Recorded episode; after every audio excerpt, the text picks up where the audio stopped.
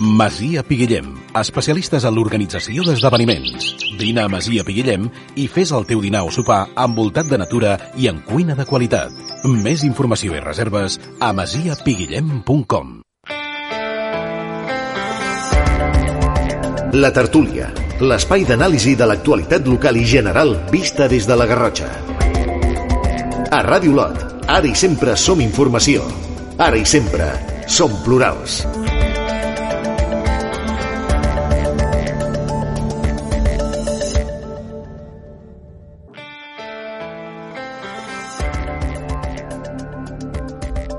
Venim d'unes vacances de Setmana Santa que han estat marcades, lògicament, per la pandèmia, però també per un gran eh, volum de visitants a casa nostra. De fet, eh, si us passegeu per molts eh, llocs haureu sentit a dir aquella màxima que molts eh, han utilitzat aquests dies i que de fet encara molts utilitzen, no? que diuen aprofitem aquests eh, dies de Setmana Santa perquè la setmana que ve tots estarem tancats. Anem a veure això com ho valoren a la nostra taula de tertulians d'avui amb la Núria Torres, en David Serra Mitjana i amb en Quim Danés. Què tal? Com esteu? Molt bona tarda. Bona tarda. Bé, eh, jo em sembla que el primer que ens pot dir com està el panorama en aquest moment és en Quim Danés, eh, que és metge de professió. Quim, com, com ho veus tot plegat després d'aquesta Setmana Santa? Tornarem a estar tancats o no?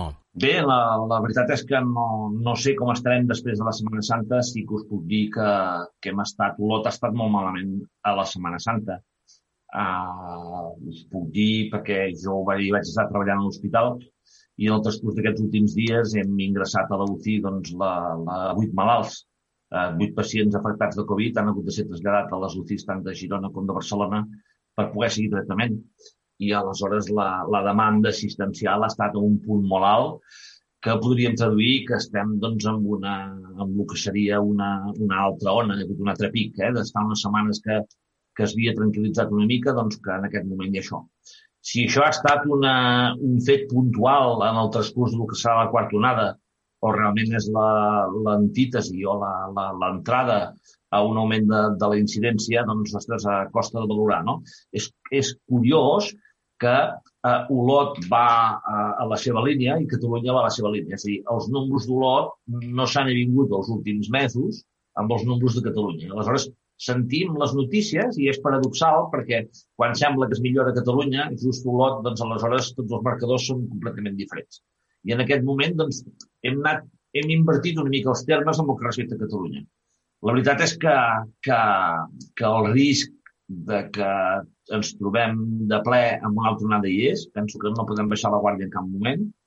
També és cert que sembla ser que el ritme d'arribada de vacunes és més alt Semblaria que, que la setmana vinent tots els més grans de 80 anys estaran vacunats. Mm. Això és una gran notícia perquè és, el, és la franja d'edat en la qual hi ha més mortalitat i, per tant, és probable que, eh, atès que la vacuna eh, eh, ens aporta una molt bona protecció doncs, que, que ens protegeixi en aquest sentit, per tant, és probable que el marcador de la mortalitat baixi ostensiblement, però jo tinc la sensació de que, de que el Covid eh, en tindrem familiars propers, en tindrem de molta proximitat i segurament aquestes properes setmanes seran més feixudes.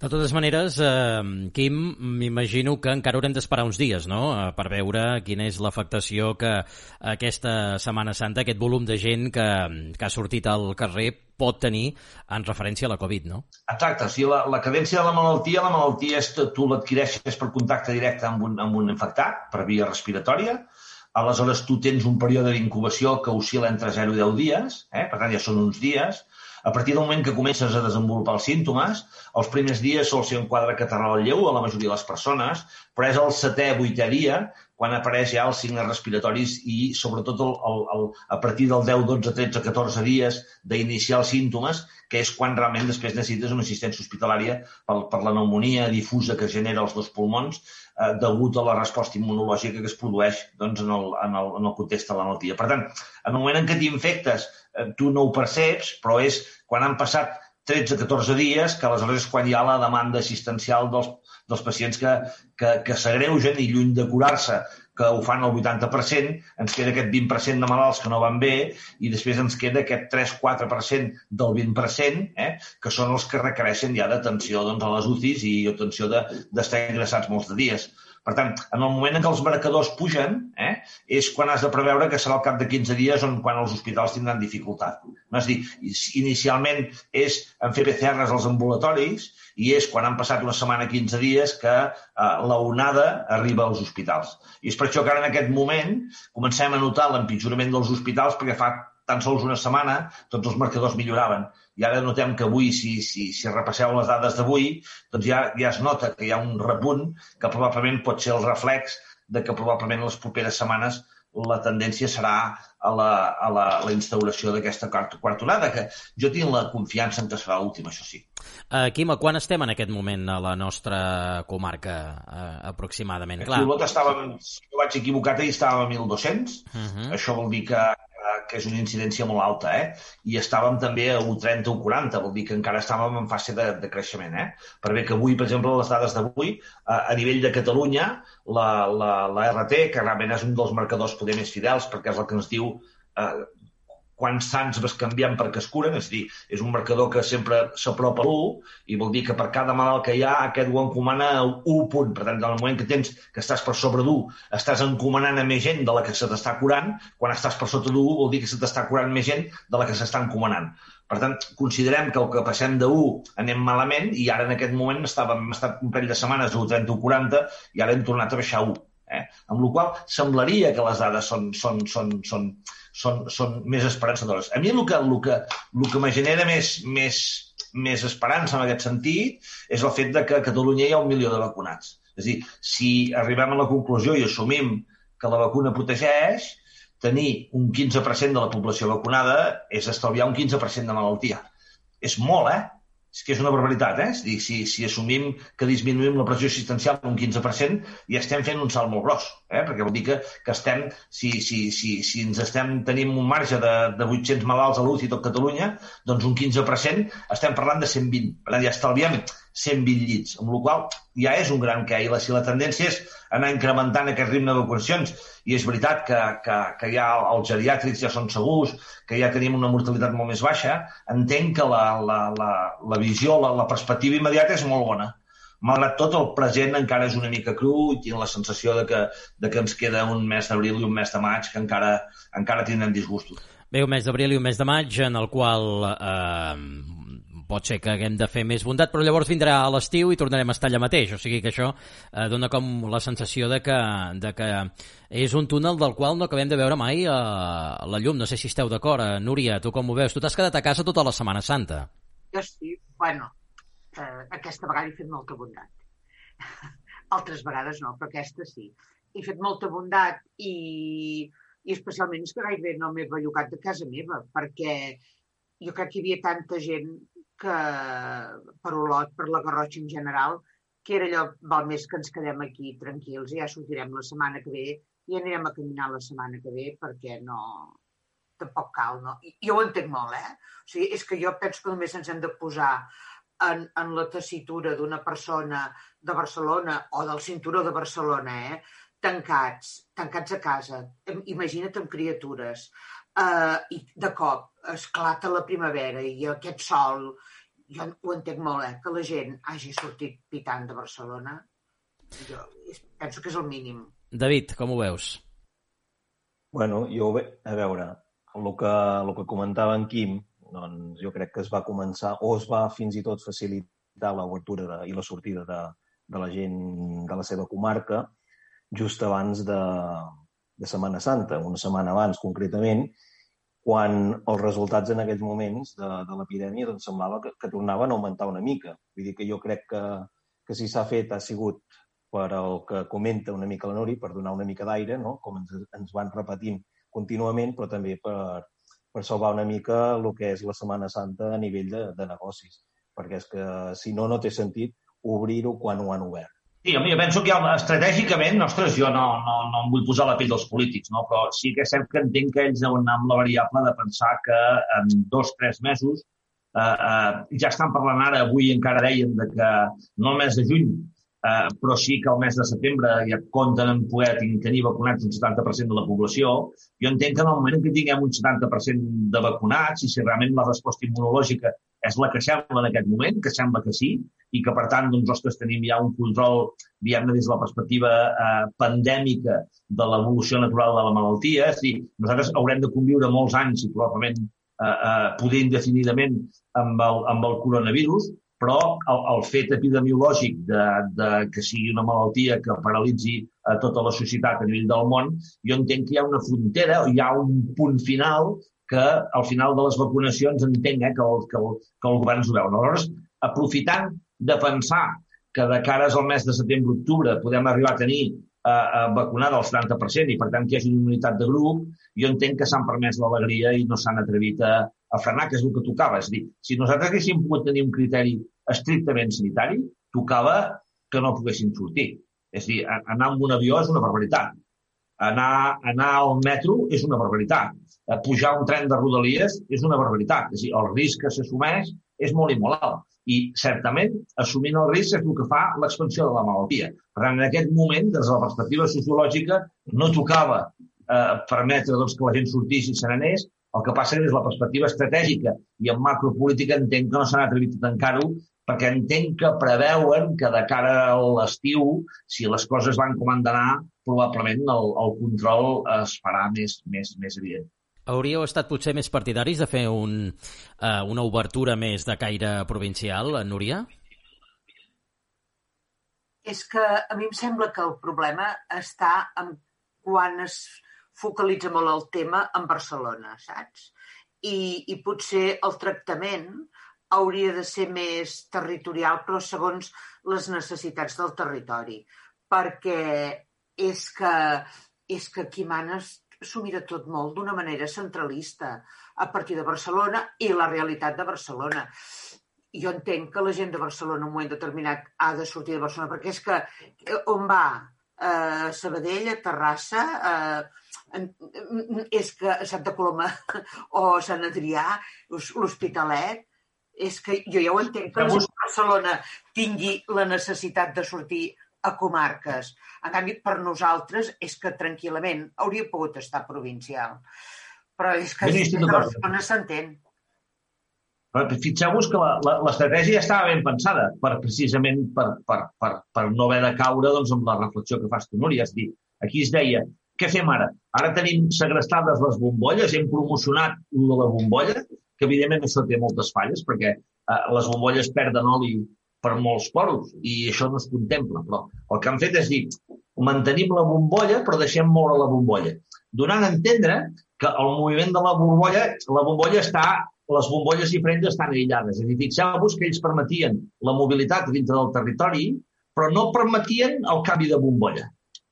Eh? Precisament per poder acceptar tot això. Però és que les imperfeccions del sistema em porten a pensar el que us he explicat abans. És a dir, això de la bombolla no acaba de funcionar, perquè si tu poses una bombolla dintre d'un vagó de tren, és obvi que, que, que s'encomanen les bombolles bombolles i ben bé que però en certa manera el planteig teòric ha estat una mica infantil en aquest sentit i curiosament me sembla que la societat ha tingut una previsibilitat alta en tant quan ha tingut ganes de poder sortir, de poder-se esplaiar. I, en certa manera, entenc que hem arribat a un nivell d'expertesa després d'un any en pandèmia que s'ha deixat una mica la decisió personal de cadascú. És a dir, la Núria s'ha quedat tota la Setmana Santa sense sortir perquè ella ha considerat que d'aquesta manera estava més protegida i molts individus han utilitzat la seva bombolla que permetia per poder anar a compartir amb altres bombolles amb, la, amb, la, amb, amb, amb totes les traves que s'obren i a totes les imperfeccions que el mètode sense cap mena de dubte té i que tothom sap que aquest mètode té. David. Bueno, lo, lo de les bombolles jo estic a, eh, amb el que comenta en Quim. Vull dir que una bombolla, fins i tot una bombolla de, de dues persones, que és la que jo em trobo a casa meva, doncs eh, quan sortim de casa, vulguis que no, només treballant ja et reuneixes amb altres persones que formen part d'altres bombolles. Jo, per la feina que tinc, que estic tot el dia doncs, eh, parlant eh, en reunions amb altres persones i moltes ens les fan fer presencials, doncs llavors et trobes que, bueno, el de les bombolles sí que pot funcionar, però pot funcionar en casos molt concrets. Jo crec que s'ha de vigilar molt amb, amb tot el que ens han anat ensenyant durant aquest any, sobretot el que és la distància social, vigilar sobretot en aquells moments doncs, de més perill, doncs, en, en restaurants, en terrasses i coses eh, semblants doncs, que, que promouen eh, el fet de treure la mascareta i, i parlar amb, amb les persones que tens al costat, i, i l'altre, bueno, el tema transport públic eh, s'hauria d'haver parat en, de, des de l'inici, però, eh, com comentava en Quim, però és que és impossible si parem el transport públic tota l'àrea metropolitana. Aquí Olot deixem-lo de banda perquè la Garrotxa Transport Públic, vull dir que pràcticament no sabem el que és, no? I, i ha millorat molt de fa uns anys enrere, però tot el que és l'àrea metropolitana sense transport públic eh, estaria, bueno, l'economia del país estaria morta.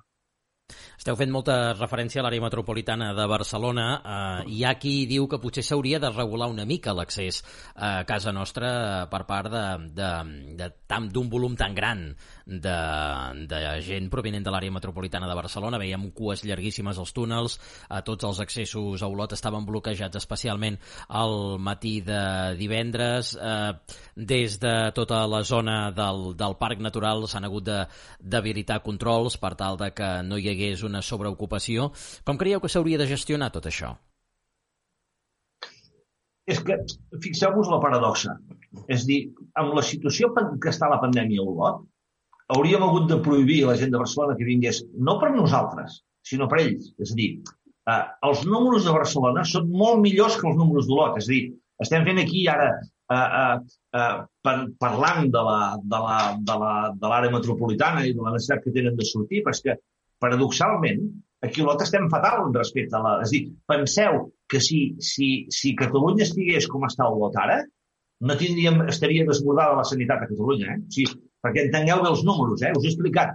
Hem ingressat aquesta última setmana 8 pacients a la UCI de l'Hospital d'Olot. És a dir, estem parlant que si tu dius a la, a, a la Garrotxa hi viu eh, un 1% de la població catalana, vol dir que si ho extrapolem a la totalitat de Catalunya, aquests 8 pacients serien 800, que per tant haurien desbordat el sistema.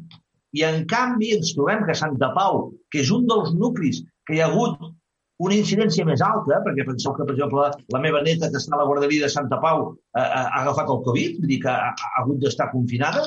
És a dir, eh, eh, allà resulta que hi ha anat a acampar eh, eh, 10 i setmana. És a dir, hi ha hagut, la, la, vaig veure per la TV3, per la Telenotícies, que sortia a Santa Pau, hi havia apacades a tots els descampats, hi havia, eh, eh, com es diu això, aquests cotxes, els cotxes família, els, els, les caravanes, no?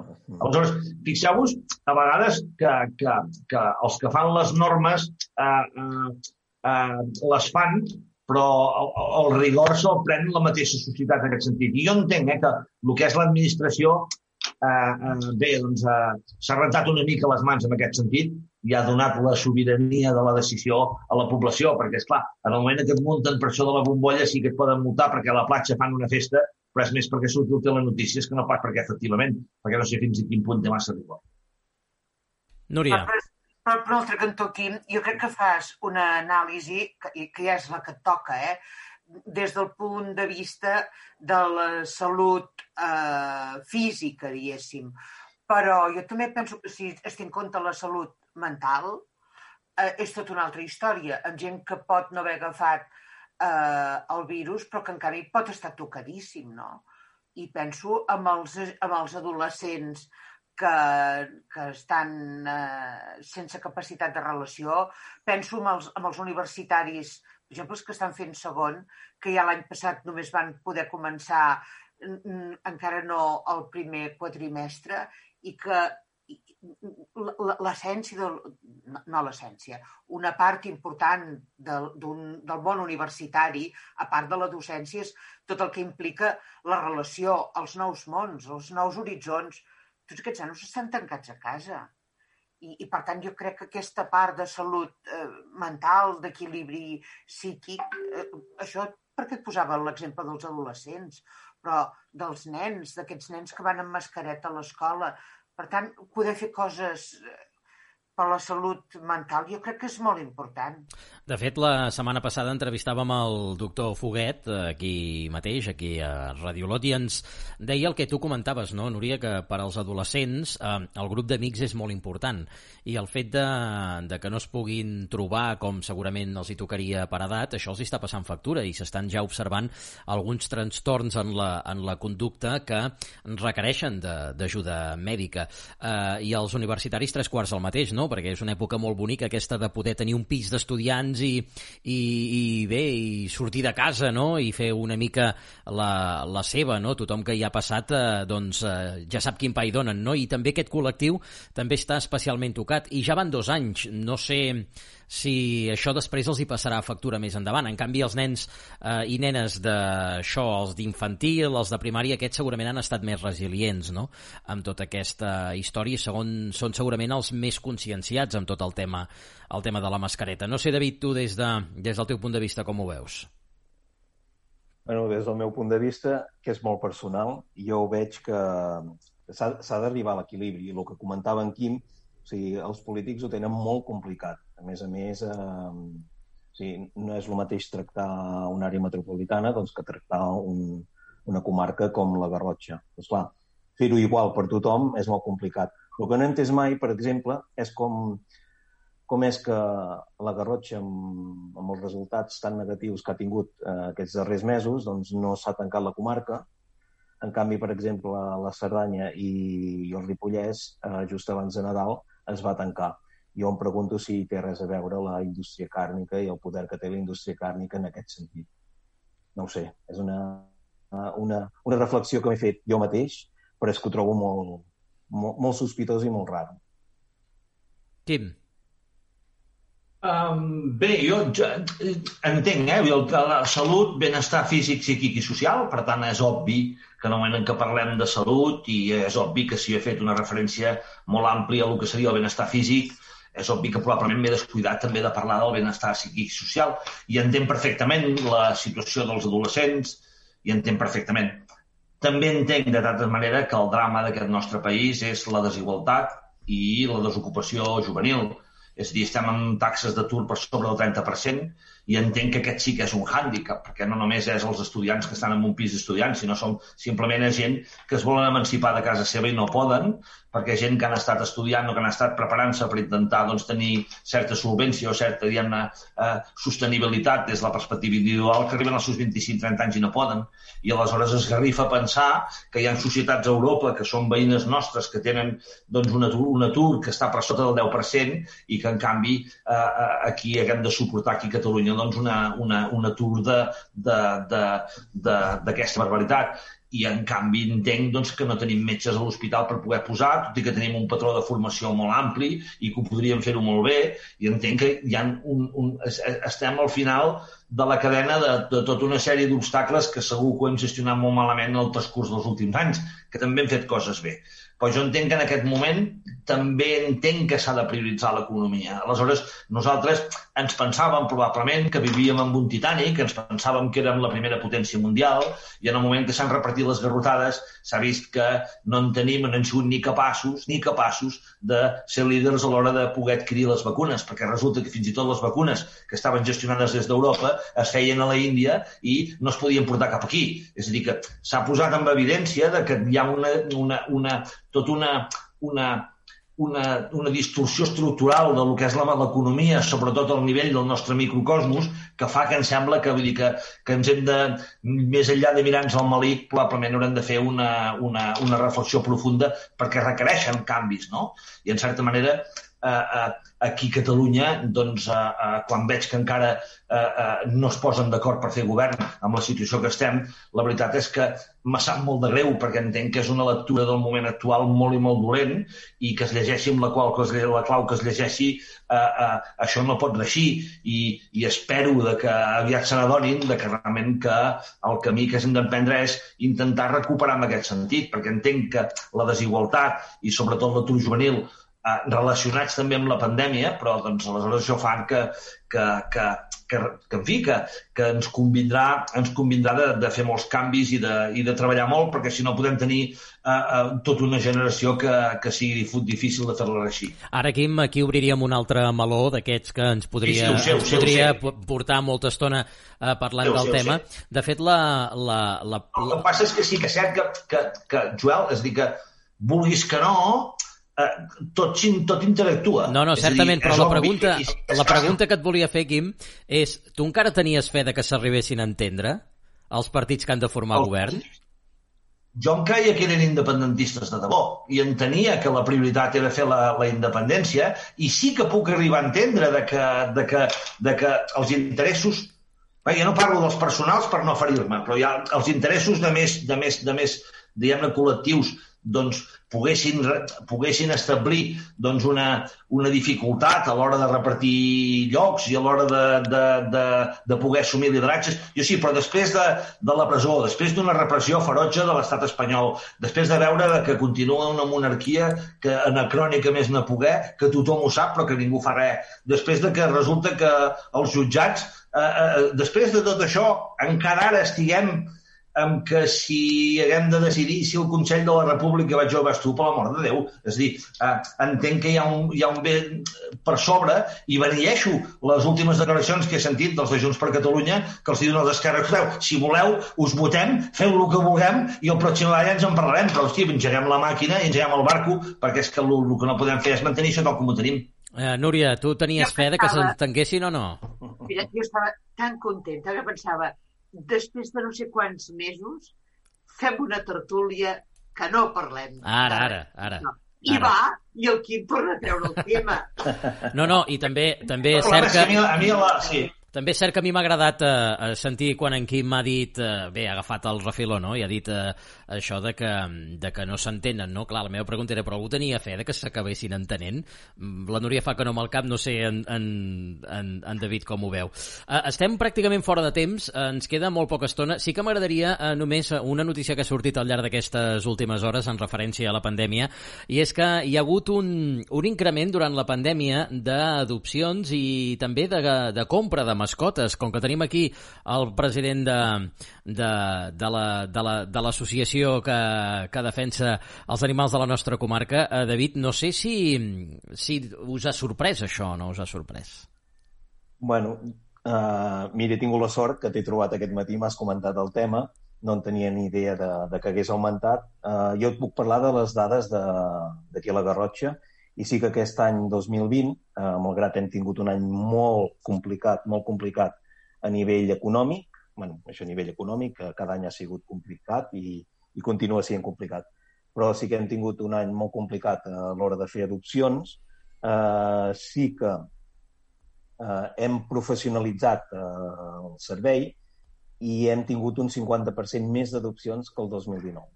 Vale? Per tant, a la Garrotxa sí que ha passat això. Altres llocs sé que no, però a nivell global de Catalunya, que suposo que és el que tu et refereixes, Joel, uh mhm. -huh. doncs no tinc les dades com per poder-ho eh, per poder-ho valorar.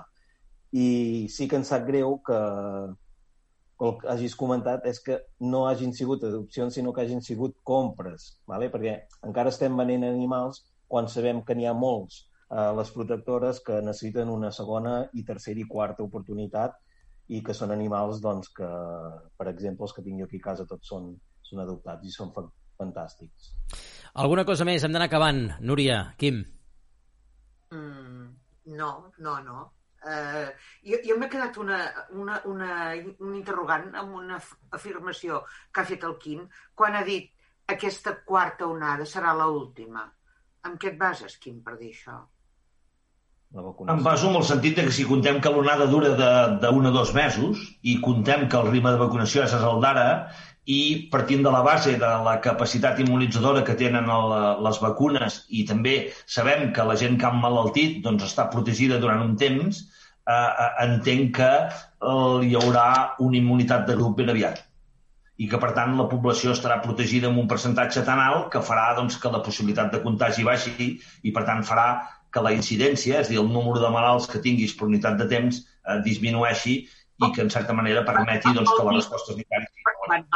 Vol dir, vol dir, Quim, que sí que hi pot haver una cinquena, una sisena, onada, però que tindran menys influència. Correcte. Però, però... El que passarà, en principi, el que contemplem és que no desapareixerà la Covid, no desapareixerà, però sí que és cert que aquesta situació d'aquesta muntanya russa, per dir-ho el que farà és que les, les, les gepes s'aniran atenuant i, per tant, aleshores tindrem una relació entre incidència i capacitat de resposta que serà molt més pròspera per, per, per, per la banda assistencial, per dir-ho manera. Llavors, entenc que la Covid es quedarà durant molt de temps, però si realment es confirma l'efecte de la vacuna i som capaços d'anar-ne produint i entenc que l'última tardor ja ens poden posar una tercera dosi, que és probable que ens tocarà revacunar-nos i realment arriben tants milions de vacunes, com sembla ser que aquesta vegada és veritat que arribaran, entenc que si arribem a tenir un 70% de protecció, clar, eh, un partit que el jugui el 100% de la gent o que el jugui només el 30%, lògicament ja té un abast completament diferent.